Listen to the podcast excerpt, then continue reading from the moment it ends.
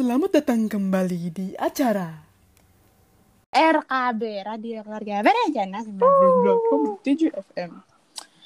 Nah, pada malam hari yang gabut ini, kita sebagai rakyat jelata 12 Harvard diberikan tugas untuk mengulas novel-novel favorit kita. Yeay, mana tepuk tangannya? Nah, pada malam hari yang cerah ini, saya ditemani oleh dua rekan saya yang bernama Enistishi Izihri dan Alicia.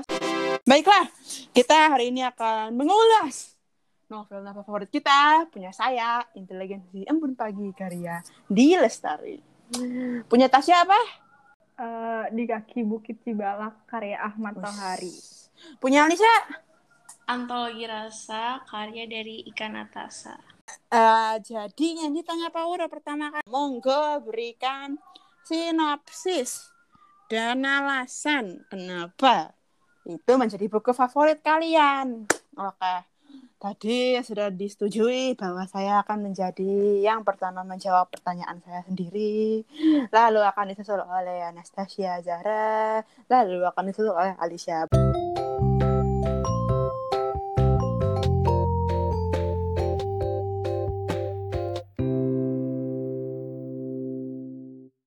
Jadi sinopsis dari inteligensi embun pagi itu Uh, jadi intinya inteligensi embun pagi itu adalah buku terakhir dari seri Supernova yang sebelumnya udah ada Kesatria Putri dan Bintang Jatuh, lalu yang kedua itu akar, yang ketiga itu petir, yang keempat itu partikel, yang kelima itu gelombang dan semuanya itu menceritakan beberapa karakter dari uh, ya di masing-masing buku tersebut dan setiap karakter itu adalah peretas yang termasuk di gugus-gugus.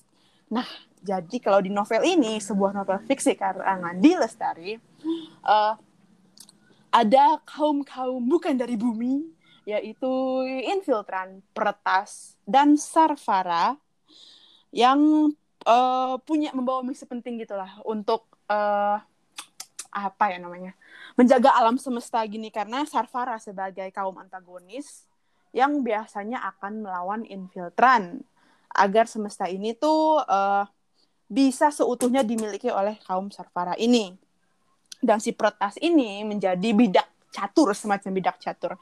Jadi uh, mereka itu bisa dibolak-balikan hatinya, bisa uh, lebih condong ke kaum infiltran semestinya kalau lurus, tapi bisa juga diperdayakan sebagai bidak dari Sarfara dan dimanipulasi otak sedikit. Jadi kayak maaf ya Pauro bahasa Inggris. Brainwashing lah ya dicuci otaknya apa berarti.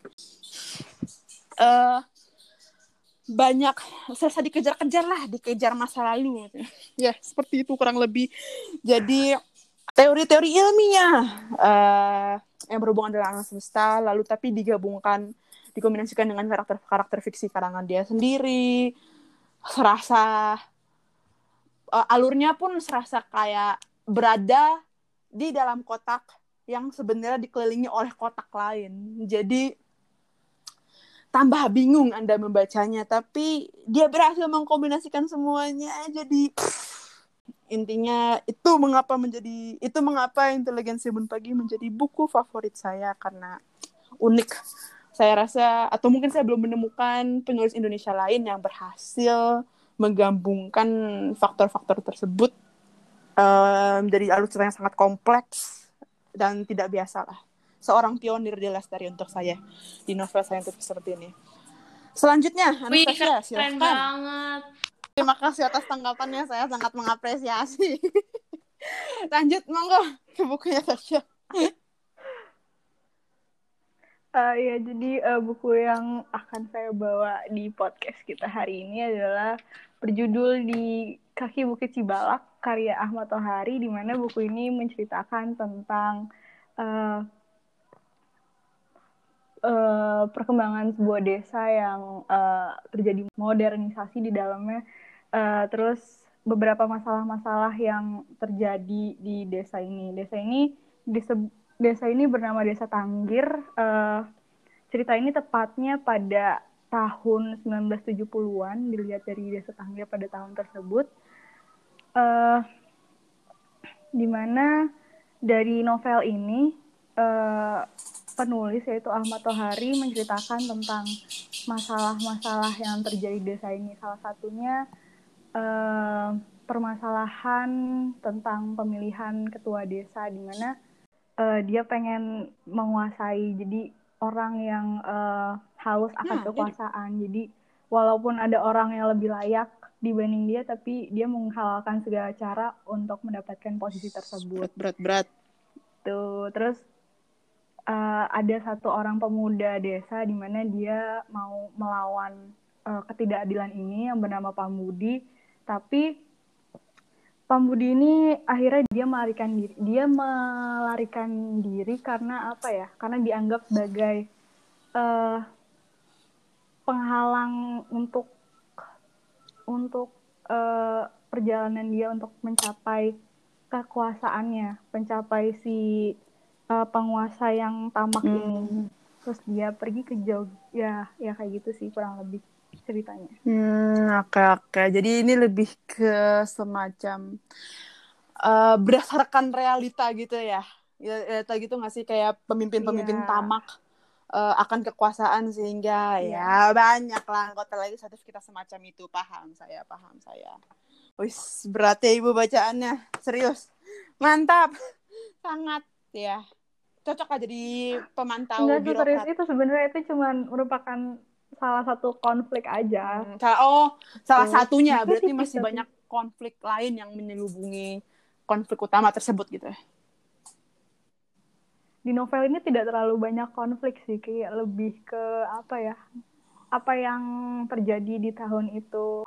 Terima kasih narasumber Anastasia. Lanjut ke narasumber kedua monggo Ibu Alicia. Eh, jadi tadi kan udah bahas nih novel dari Putri, dari Tasya itu keren-keren banget. Tapi sekarang aku mau ngulas novel yang lebih santai kali ya. Eh, Antologi Rasa ini eh, sebagai kisah kepahlawanan orang-orang yang terjebak dalam zona teman. Eh, boleh saja mendorong orang yang lebih berani mengungkapin perasaan mereka atau jadi cermin supaya orang bisa lebih peka dan apa yang dirasain oleh sahabat mereka yang diam-diam suka gitu. Jadi eh, jadi novel itu Empat. sebagai novel kedua dari lanjutan novel Critical Eleven karya karya Ikan juga. Antologi Rasa ini berkisah tentang kisah cinta segitiga yang dialami Waduh. Ruli, Haris, dan juga Dennis. Tiara ini merupakan uh, apa ya wanita muda gitu yang kerjanya di bank. Nah ceritanya suatu hari Tiara ini terlambat berangkat kerja. Pas itu uh, saat sedang terburu-buru masukin lift, Tiara ini berpapasan dengan Ruli dan juga Haris. Sesama pegawai gitu loh, Oh, kayak di tempat kerja. Baru Hmm. masuk, jadi eh, sama-sama baru masuk ke kantor itu sebagai pekerja baru gitu. Semua mereka bertiga ini jadi Oke. sahabat, jadi ketemu di lift, terus jadi sahabat deh gitu. Ya ini selalu nganggep Haris itu sahabat terbaiknya. Sedangkan Haris ini punya perasaan yang gak bisa diungkapin sebenarnya perasaan suka sama Kiara ini gitu. Jadi sebagai teman yang asyik diajak curhat, canda, eh, ya teman sahabat banget, sahabat deket gitu. Tanpa diketahui Oke, maaf, lanjut. Kiara ini, Haris diam-diam tuh punya perasaan sama si Kiara ini. Bahkan Haris itu nganggep Kiara itu sebagai wanita yang tepat. Jadi kayak ya emang udah kayak udah segitunya banget padahal si Kiara ini cuma nganggep Haris sebagai sahabatnya. Di sisi lain, Terburu-buru abangnya. Kiara ini menyukai Ruli karena kagum sama sifatnya yang dewasa, terus juga rajin sholat gitu.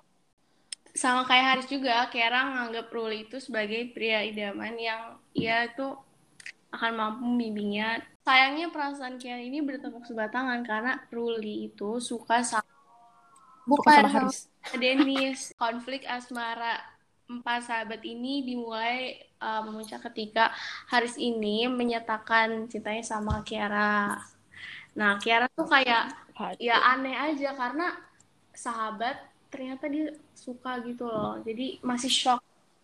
Ya pastinya ditolak lah sama Kiara. Apalagi dia Waduh. ada sesuatu hal di sini yang nggak bisa diceritain. Pokoknya yang bisa bikin kecewa si Kiara. Sementara juga Ruli ini nyadar juga ternyata selama ini Dennis yang ia suka deketin itu malah cuek banget sama dia gitu. Jadi Ruli juga berencana untuk mendekati Kiara. Waduh, denger sinopsisnya dari Alicia aja udah sembriwing otakku mikirin soal percintaan kasmaran segitiga ini. ya bisa dipahami lah mengapa ini menjadi salah satu buku favoritnya Aisyah. Eh, Alicia kok. ah, oke. Okay. Bener, tak pertanyaan selanjutnya. Penilaian terhadap buku, Wah, kritik dan pujian.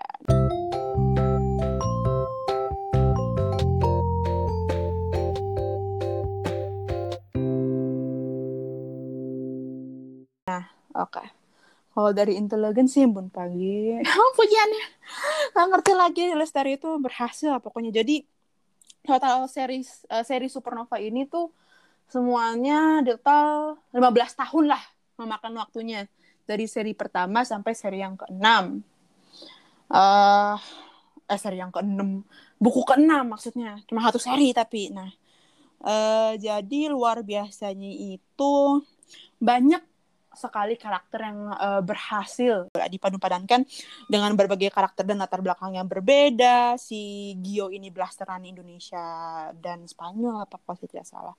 Dan si uh, Zarah ini dengan latar belakang Indonesia asli uh, lingkungannya yang masih kuat akan stigma-stigma uh, ajaran agama Islam sehingga menanggapkan uh, menanggapi hal ini hal itu tabu dan sakral segala macam. Si body untuk gelombang uh, eh sorry uh, eh, maaf maksudnya. Peretas akar dia berlatar belakang Tiongkok uh, namun berkepercayaan uh, Buddha, si Elektra yang uh, latar belakang Tiongkok juga, namun besar di lingkungan Sunda, Bandung, biasa diecek-ecek oleh orang-orang yang sedang kobam. Namun dia berlatar belakang Katolik dan si Alfa uh, seorang uh, orang Batak yang berkepercayaan Katolik juga. Dan ini tuh menunjukkan kayak oh binaka tunggal tunggal ikannya gitu. Dan banyak uh, mereka ini punya kekuatan uh, dan watak uh, yang sangat unik masing masing-masing dari mereka saling membutuhkan satu sama lain memainkan peran penting dalam gugus uh, mereka membawa tujuan penting untuk melahirkan peretas puncak yang mana akan membuka dimensi baru dan merubah segala. Intinya itu sih. Kalau penutupnya uh, inteligensi pagi ini. Dan jadinya ya pujiannya ya itu uh, Dilestari berhasil untuk uh, merangkum semua seri satu hingga kelima dan dibuat alur uh, pengkombinasi semuanya di buku ke-6 ini sehingga sekompleks dan serumit itu namun masih bisa dipahami pembaca. Nah, dan jadinya tapi ya kalau untuk kritiknya beberapa adegan mungkin uh, untuk memacu adrenalin uh, pembaca jadi agak tergesa-gesa untuk pindah ke sudut pandang satu dan lainnya. Jadi kan mungkin ada perspektif dari sisi uh, para infiltran yang mencoba untuk membimbing peretas ke jalan yang benar, ada sisi perspektif sudut pandang uh, si kelompok kaum Sarfara ini yang lebih ke antagonis. Nah, mungkin tektoknya di situ kadang membuat pembaca bingung dan kalau yang mungkin udah lupa apalagi dari 15 tahun yang lalu ya itu buku-buku semua itu jadi kayak aduh ah ini siapa ini bagaimana ini jadi ya banyak karakter-karakter lama yang mungkin hanya karakter pembantu dan mungkin tidak mengambil ada peran penting lah eh, dimasukkan kembali. Jadi ram rame banget lah di situ. Sayangnya beberapa peran kunci mungkin di buku-buku lama ya cuma hanya disebut-sebut dari mulut ke mulut dari dialog-dialog karakter tapi tidak berperan aktif dalam buku yang terakhir ini. Mungkin itu yang disayangkan. Walau walau itu pada akhirnya kembali kepada selera si penulis sendiri di Lestari. Mungkin di Lestari ada pastilah ada pertimbangan satu dan lain hal yang akhirnya membuat bukunya ya seperti ini. Tapi ya, pada akhirnya saya hanya kaum awam yang menikmati salah satu karya beliau. Dan itu berikut adalah pujian dan eh berikut. Sekian adalah pujian dan kritik saya untuk Inteligensi Bun Pagi. Nah selanjutnya dari bukunya Anastasia Azahra. Uh, jadi penilaian terhadap buku, um, buku ini uh, pertama kali saya tertarik karena covernya itu apa ya terlihat simpel tapi uh, ya menarik banyak perhatian orang untuk membaca buku ini. Di mana di dalamnya juga buku ini uh, meringkas sesuatu yang berat dan diselipkan ke kejadian sehari-hari dan itu membuat uh, buku ini mudah dipahami oleh banyak orang.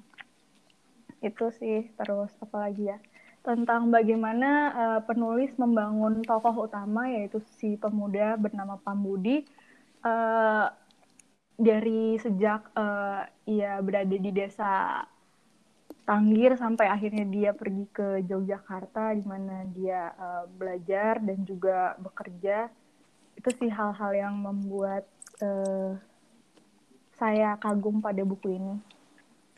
Ah, oke, okay. membuat kagum tapi itu berarti pujian untuk buku tersebut ya. Oke, okay, oke. Okay. Monggo kritiknya yeah. kalau begitu. Uh, kalau kritiknya, untuk kritiknya saya tidak memiliki kritik untuk buku ini karena karena setiap penulis memiliki um, signaturenya apa ciri khasnya dari bagaimana ia menulis jadi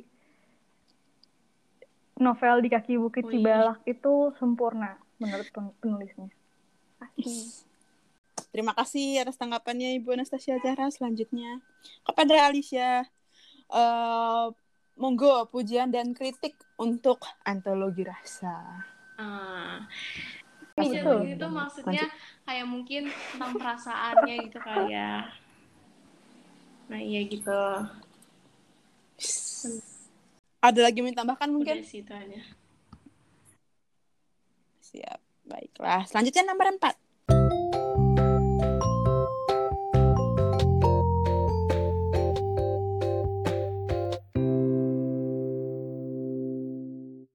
bagian yang kalian paling sukai dalam buku favorit kalian?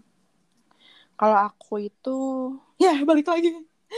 Nah, ini inteligensi yang pagi supernova ini emang tidak bisa lepas dari alir yang sangat kompleks. Jadinya tuh ini fiksi juga sih. Jadi di saat kita udah kira karakternya bakal A, oh ternyata dia bakal ngelakuin B. Tapi sebenarnya dia sudah merencanakan C. Nah, pas karakter lain oh dia bakal C nih gini ternyata. Tapi ternyata dia menyimpan rencana lain di balik itu semua yang sudah dia simpan dari sebelum dia terlahir dan melewati partul uh, portul portal bumi gitu loh. Aduh, udah lah pokoknya dimensi lain. Jadi mereka ini palah pelintas gerbang portal dimensi bumi ini. Mereka sudah ada perjanjian di alam lain sebelum mereka terlahirkan di bumi ini dan akhirnya dibangunkan sebagai peretas dan sudah uh, dirancang sedemikian rupa oh dia uh, misalnya pelentas puncak akan di, terbangun dan sadar kalau dia itu bukan manusia dia itu peretas dari alam gini-gini dan mempunyai membawa misi segini gini gini di saat dia berumur 17 misalnya.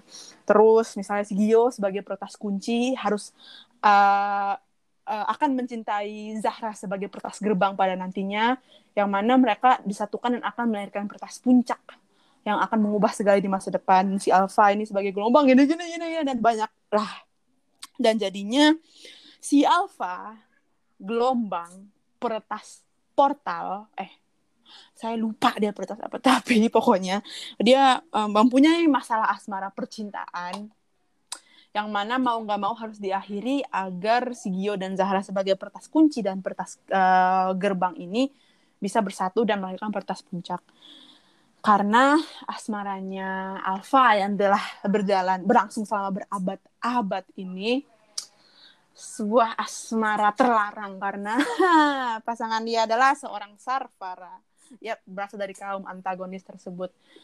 Sehingga eh, dia harus mengorbankan percintaannya tersebut eh, demi keberlangsungan makhluk di bumi ini dan kaumnya juga tapi setiap dia tertidur dan terbangun kembali dan gonta-ganti apa ya kehidupan gitu sama berabad-abad uh, dia akan lupa dengan apa yang telah dilakukan di masa lampau hingga akhirnya dia ingat saat bertemu dengan si Safara tersebut si kekasihnya. Dan tapi nyeseknya itu si kekasihnya itu tuh akan selalu ingat kapan si uh, apa aja yang sudah mereka lalui selama berabad-abad itu dan kekasihnya si Sarfara tersebut akan terus-terusan mengalami sakit hati yang sama. Tapi namun di saat yang bersamaan akan uh, kembali mempunyai harapan yang sama uh, untuk kepada si Alpha agar kembali kepada pelukannya. Tapi akhirnya ternyata setiap Alpha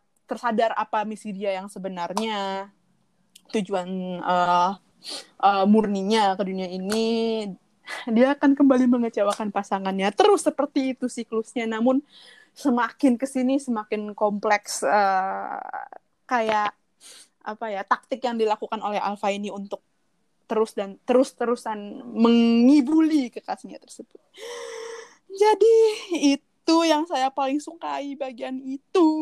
Karena semakin kompleks taktik si Alpha tersebut teman satu gugusnya aja itu nggak ada yang ngira si Alpha ini bakal memutarbalikkan suatu kondisi yang udah bakal di ujung tanduk udah ditunjuk di ujung tanduk banget lah. Kira dikira mereka kira semua si Alpha akan mengkhianati mereka sebagai teman-temannya. Karena di sini Alpha juga posisinya sebagai ya uh, pem uh, pemegang mahkota lah. Uh, tapi ternyata tidak. Alpha masih loyal setia kepada gugusnya dan tidak jadi mengorbankan gugusnya tersebut. Itu sih bagian paling aku favorit. Jadi semacam plot twist, uh, namun ternyata ada plot twist lagi di baliknya. Ya itulah bagian favorit saya dari buku fiksi ini. Mungkin kalau dari buku fiksi Perbukitan Cibaludug, nah itu saya tahu bukan judulnya itu, tapi saya nggak apal namanya.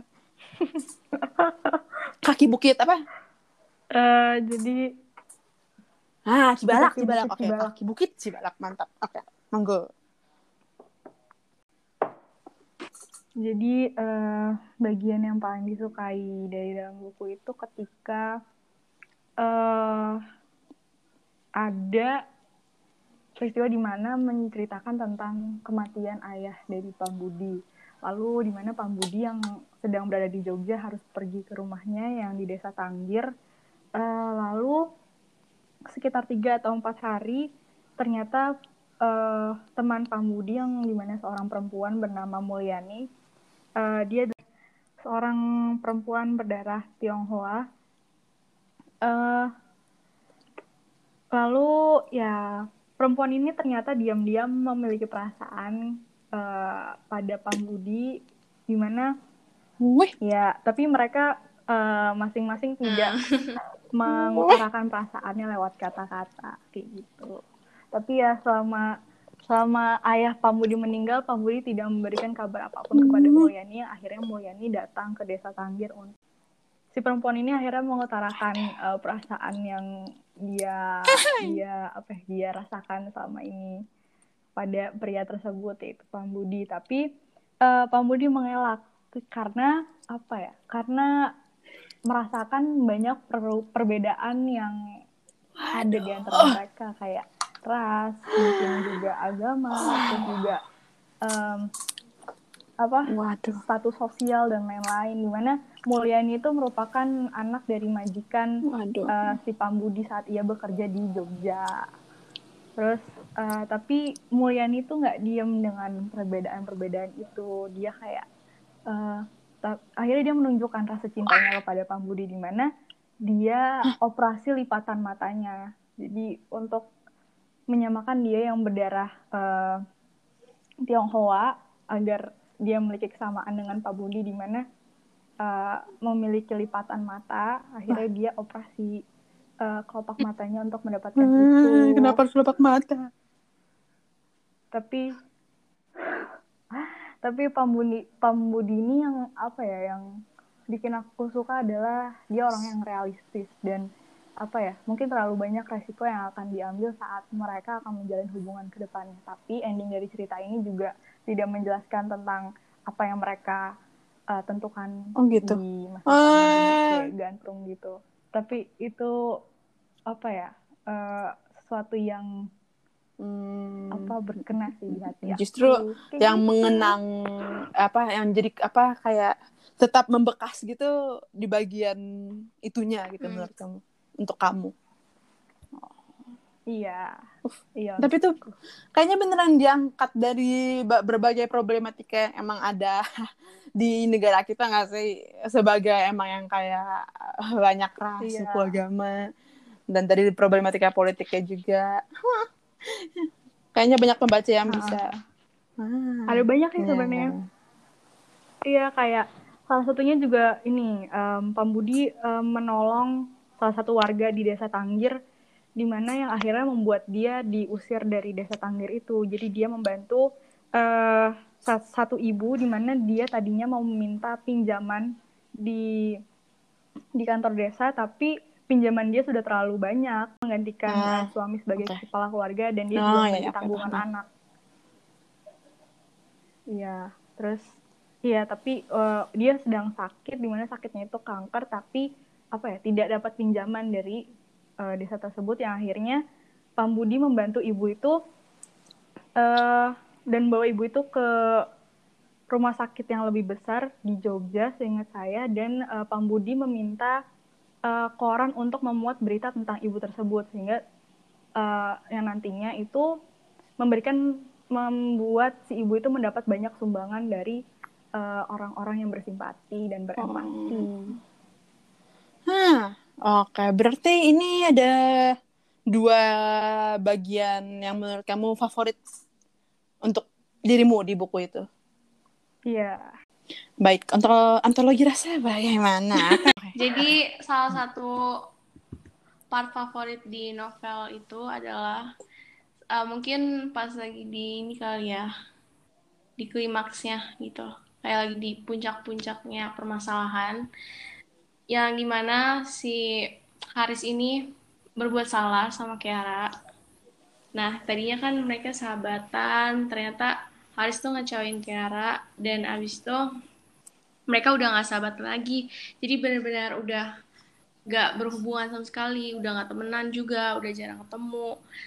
Kayak gimana sih rasanya punya sahabat, abis tuh dia udah bikin kecewa. Paling nggak enak tuh kalau kita udah ngecewain orang gak sih? Nah, pokoknya itu kalau part itu menurutku sedih sih, karena ya udah nggak sahabatan lagi. Nah, abis itu Nah, dan pada akhirnya kan abis itu si Ruli kan deketin ini kan, Kiara juga. Dan akhirnya juga, tapi Kiara tuh nyadar bahwa selama ini yang dia butuhin, yang selama ini ada di sisi dia, kalau misalnya dia lagi minta tolong, lagi sedih, lagi ya gimana sih sosok sahabat itu yang udah ngekapin Kiara selama ini. Dia nyadarin bahwa ya itulah seorang Haris. Jadi yang selama ini juga udah punya rasa sama Kiara. Dan akhirnya ending dari cerita ini pun uh, perasaannya Haris pun terbalas gitu. Eh, baiklah, kita lanjutkan ke pertanyaan terakhir namun beranak kedua. A dan B. Nah, si A ini dia menanyakan nilai-nilai yang terdapat dalam buku favorit kita. Apa ya? Mari kita lihat catatan kesembilan nilai yang saya ketemukan, eh, saya temukan di Google.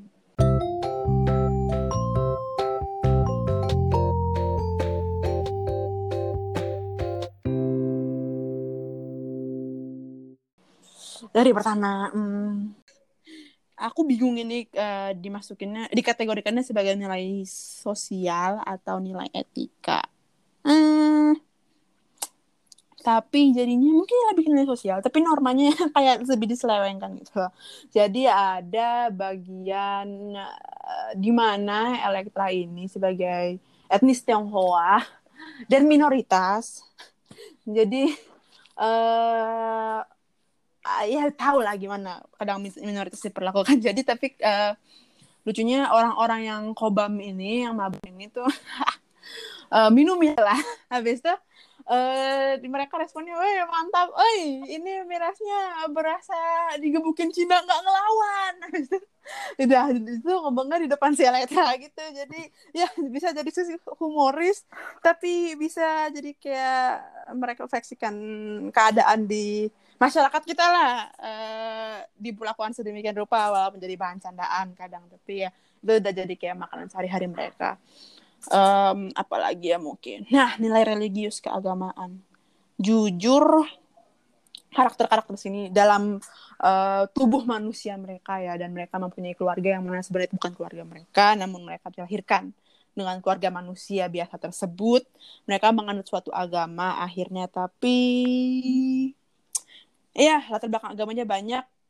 Namun ada juga yang bikin unik. Ada satu sarfala namanya Busati atau Busari itu yang membuat Elektra yang karakter yang sebelumnya juga tadi itu bingung karena di rumahnya Bu Sari ini yang mana dianggap gurunya dia karena pernah mengajarkan dia untuk uh, menggunakan kemampuan dia sesungguhnya sebagai peretas memanfaatkan dia. Itu yang makanya saya tadi bilang peretas itu bisa dibolak-balikan menjadi bidak sebagai sarfara uh, oleh sarfara dimanfaatkan dan Bu Sari atau Bu Sati aku lupa namanya melakukan hal tersebut kepada Elektra.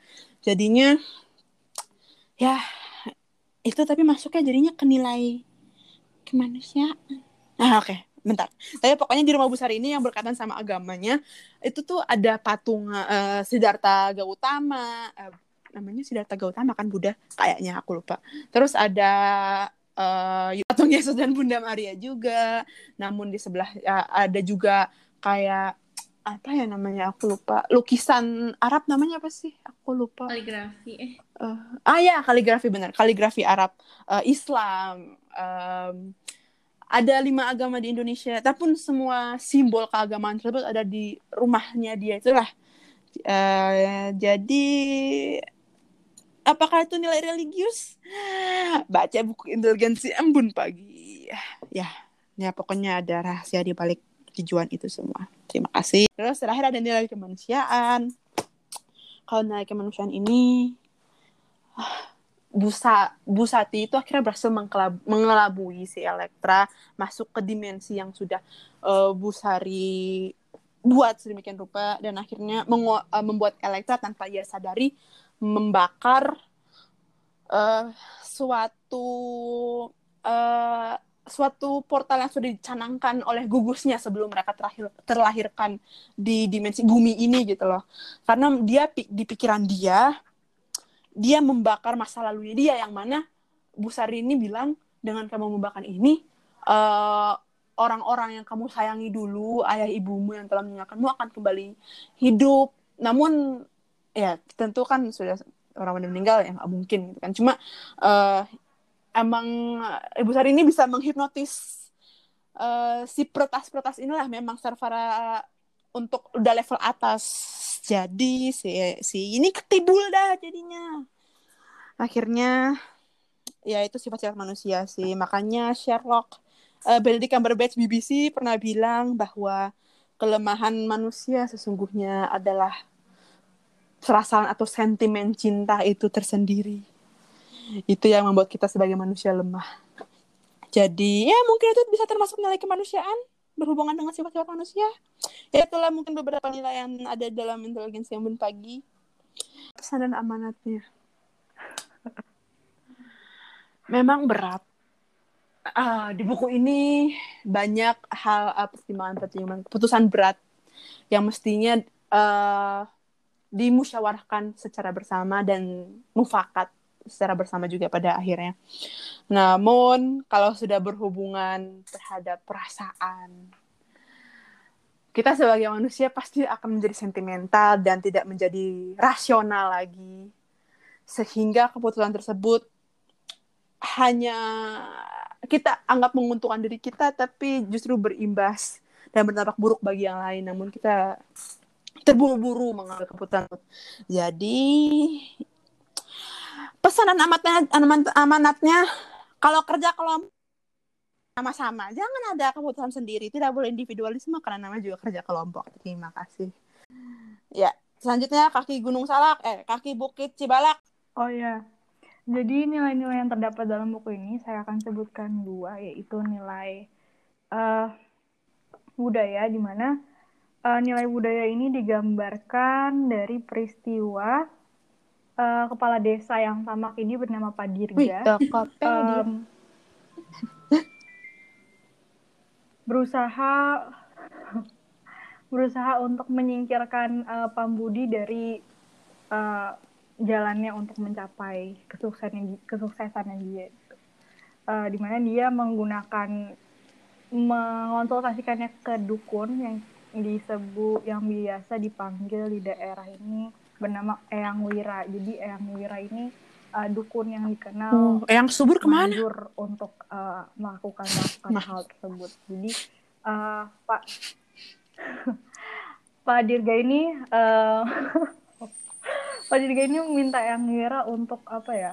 Untuk menyingkirkan Pambudi dari uh, jalannya untuk mencapai kesuksesan. Terus akhirnya yang pakai apa sih guna-guna dan lain-lain tapi akhirnya tapi akhirnya ketahuan juga sama Pambudi dan tapi tetap aja sih orang-orang di situ ngomongin Pambudi dengan hal-hal yang negatif kayak gitu itu merupakan salah satu nilai uh, budayanya. Lalu ada nilai kemanusiaan di mana yang tadi saya bilang um, di mana Pambudi menolong uh, ibu di ibu di desa itu yang terkena penyakit kanker namanya Mbok Ralem.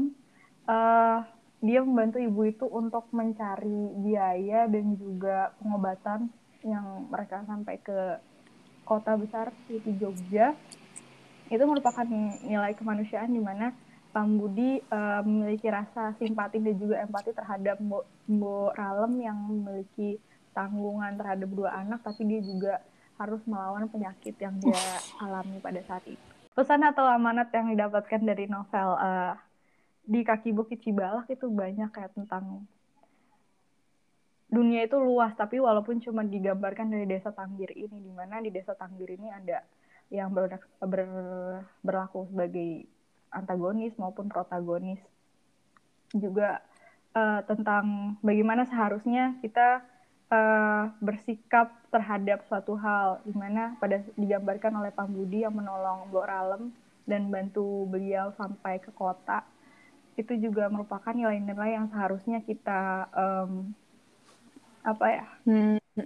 lakukan gitu ya kayak gitu terus apalagi ya tentang tentang iya, banyak kan? sih yang bisa diambil dari buku ini tapi iya tentang ketidakadilan yang sebenarnya terjadi di sekitar kita mm -hmm. tanpa kita sadari gitu yes. Itu sih beberapa terima kasih kembali narasumber. Ya nggak sih kalau disuruh kayak diminta nilai-nilai tersebut sebutkan. Ya, kira kita sebut yang benar membekas di kepala kita. Padahal pasti skopnya lebih luas daripada itu. Banyak hal yang mungkin sebenarnya kita baru inget oh iya bagian itu kece juga nih kalau cerita habis itu hmm. ya pokoknya sebenarnya buku itu lebih dari sekedar apa yang kita ceritakan kembali lah. Makanya biasanya film itu tidak begitu seberkesan bukunya antologi Wah, rasa sedemikian bagaimana jadinya nilai pesan dan amanatnya nilainya dulu kali ya saat Ruli uh, sholat gitu ya itu mencontohkan salah satu nilai religius dalam novel tersebut.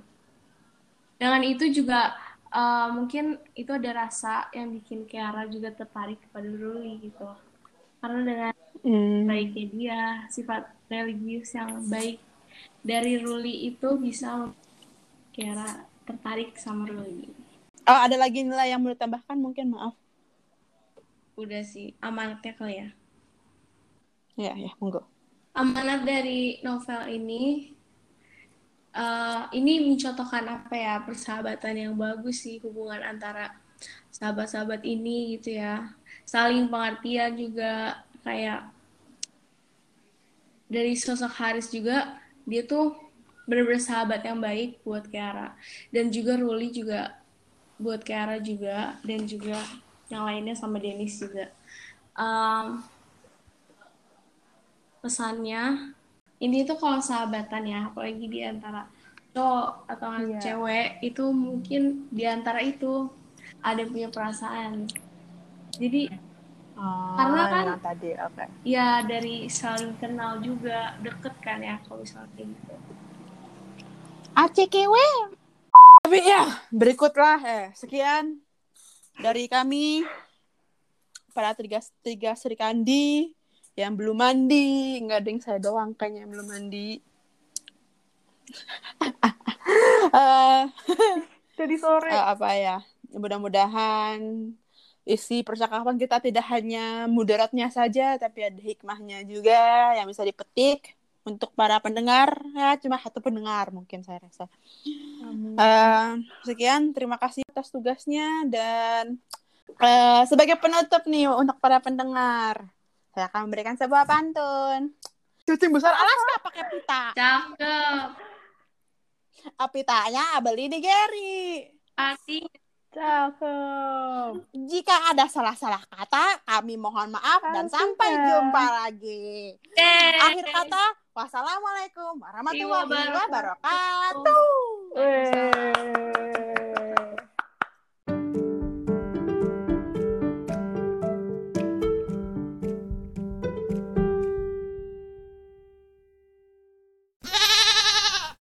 Aduh, kalau ceritain nih, ceritain. Kayaknya Putri, penasaran gak sih? Tasya tahu ya? Eh, kecewain banget sih Put. Tahu dong. Putri, Putri penasaran gak ini ada sahabat nih, sahabat kan, lagi jalan-jalan Iya sih. tour Gue gitu. juga kecewa. Nah, tapi mereka ini lagi trip kan, berdua gitu. Tapi Bentar, siapa siapa siapa? Haris Kiara. iya, Oke. ternyata di bukunya itu satu kamar. Iya. Di bukitnya satu kamar. oh, satu kamar. Oh, itu ide, ide, idenya Tasya, Pak. Dia yang minta Ah. masukin, Pak.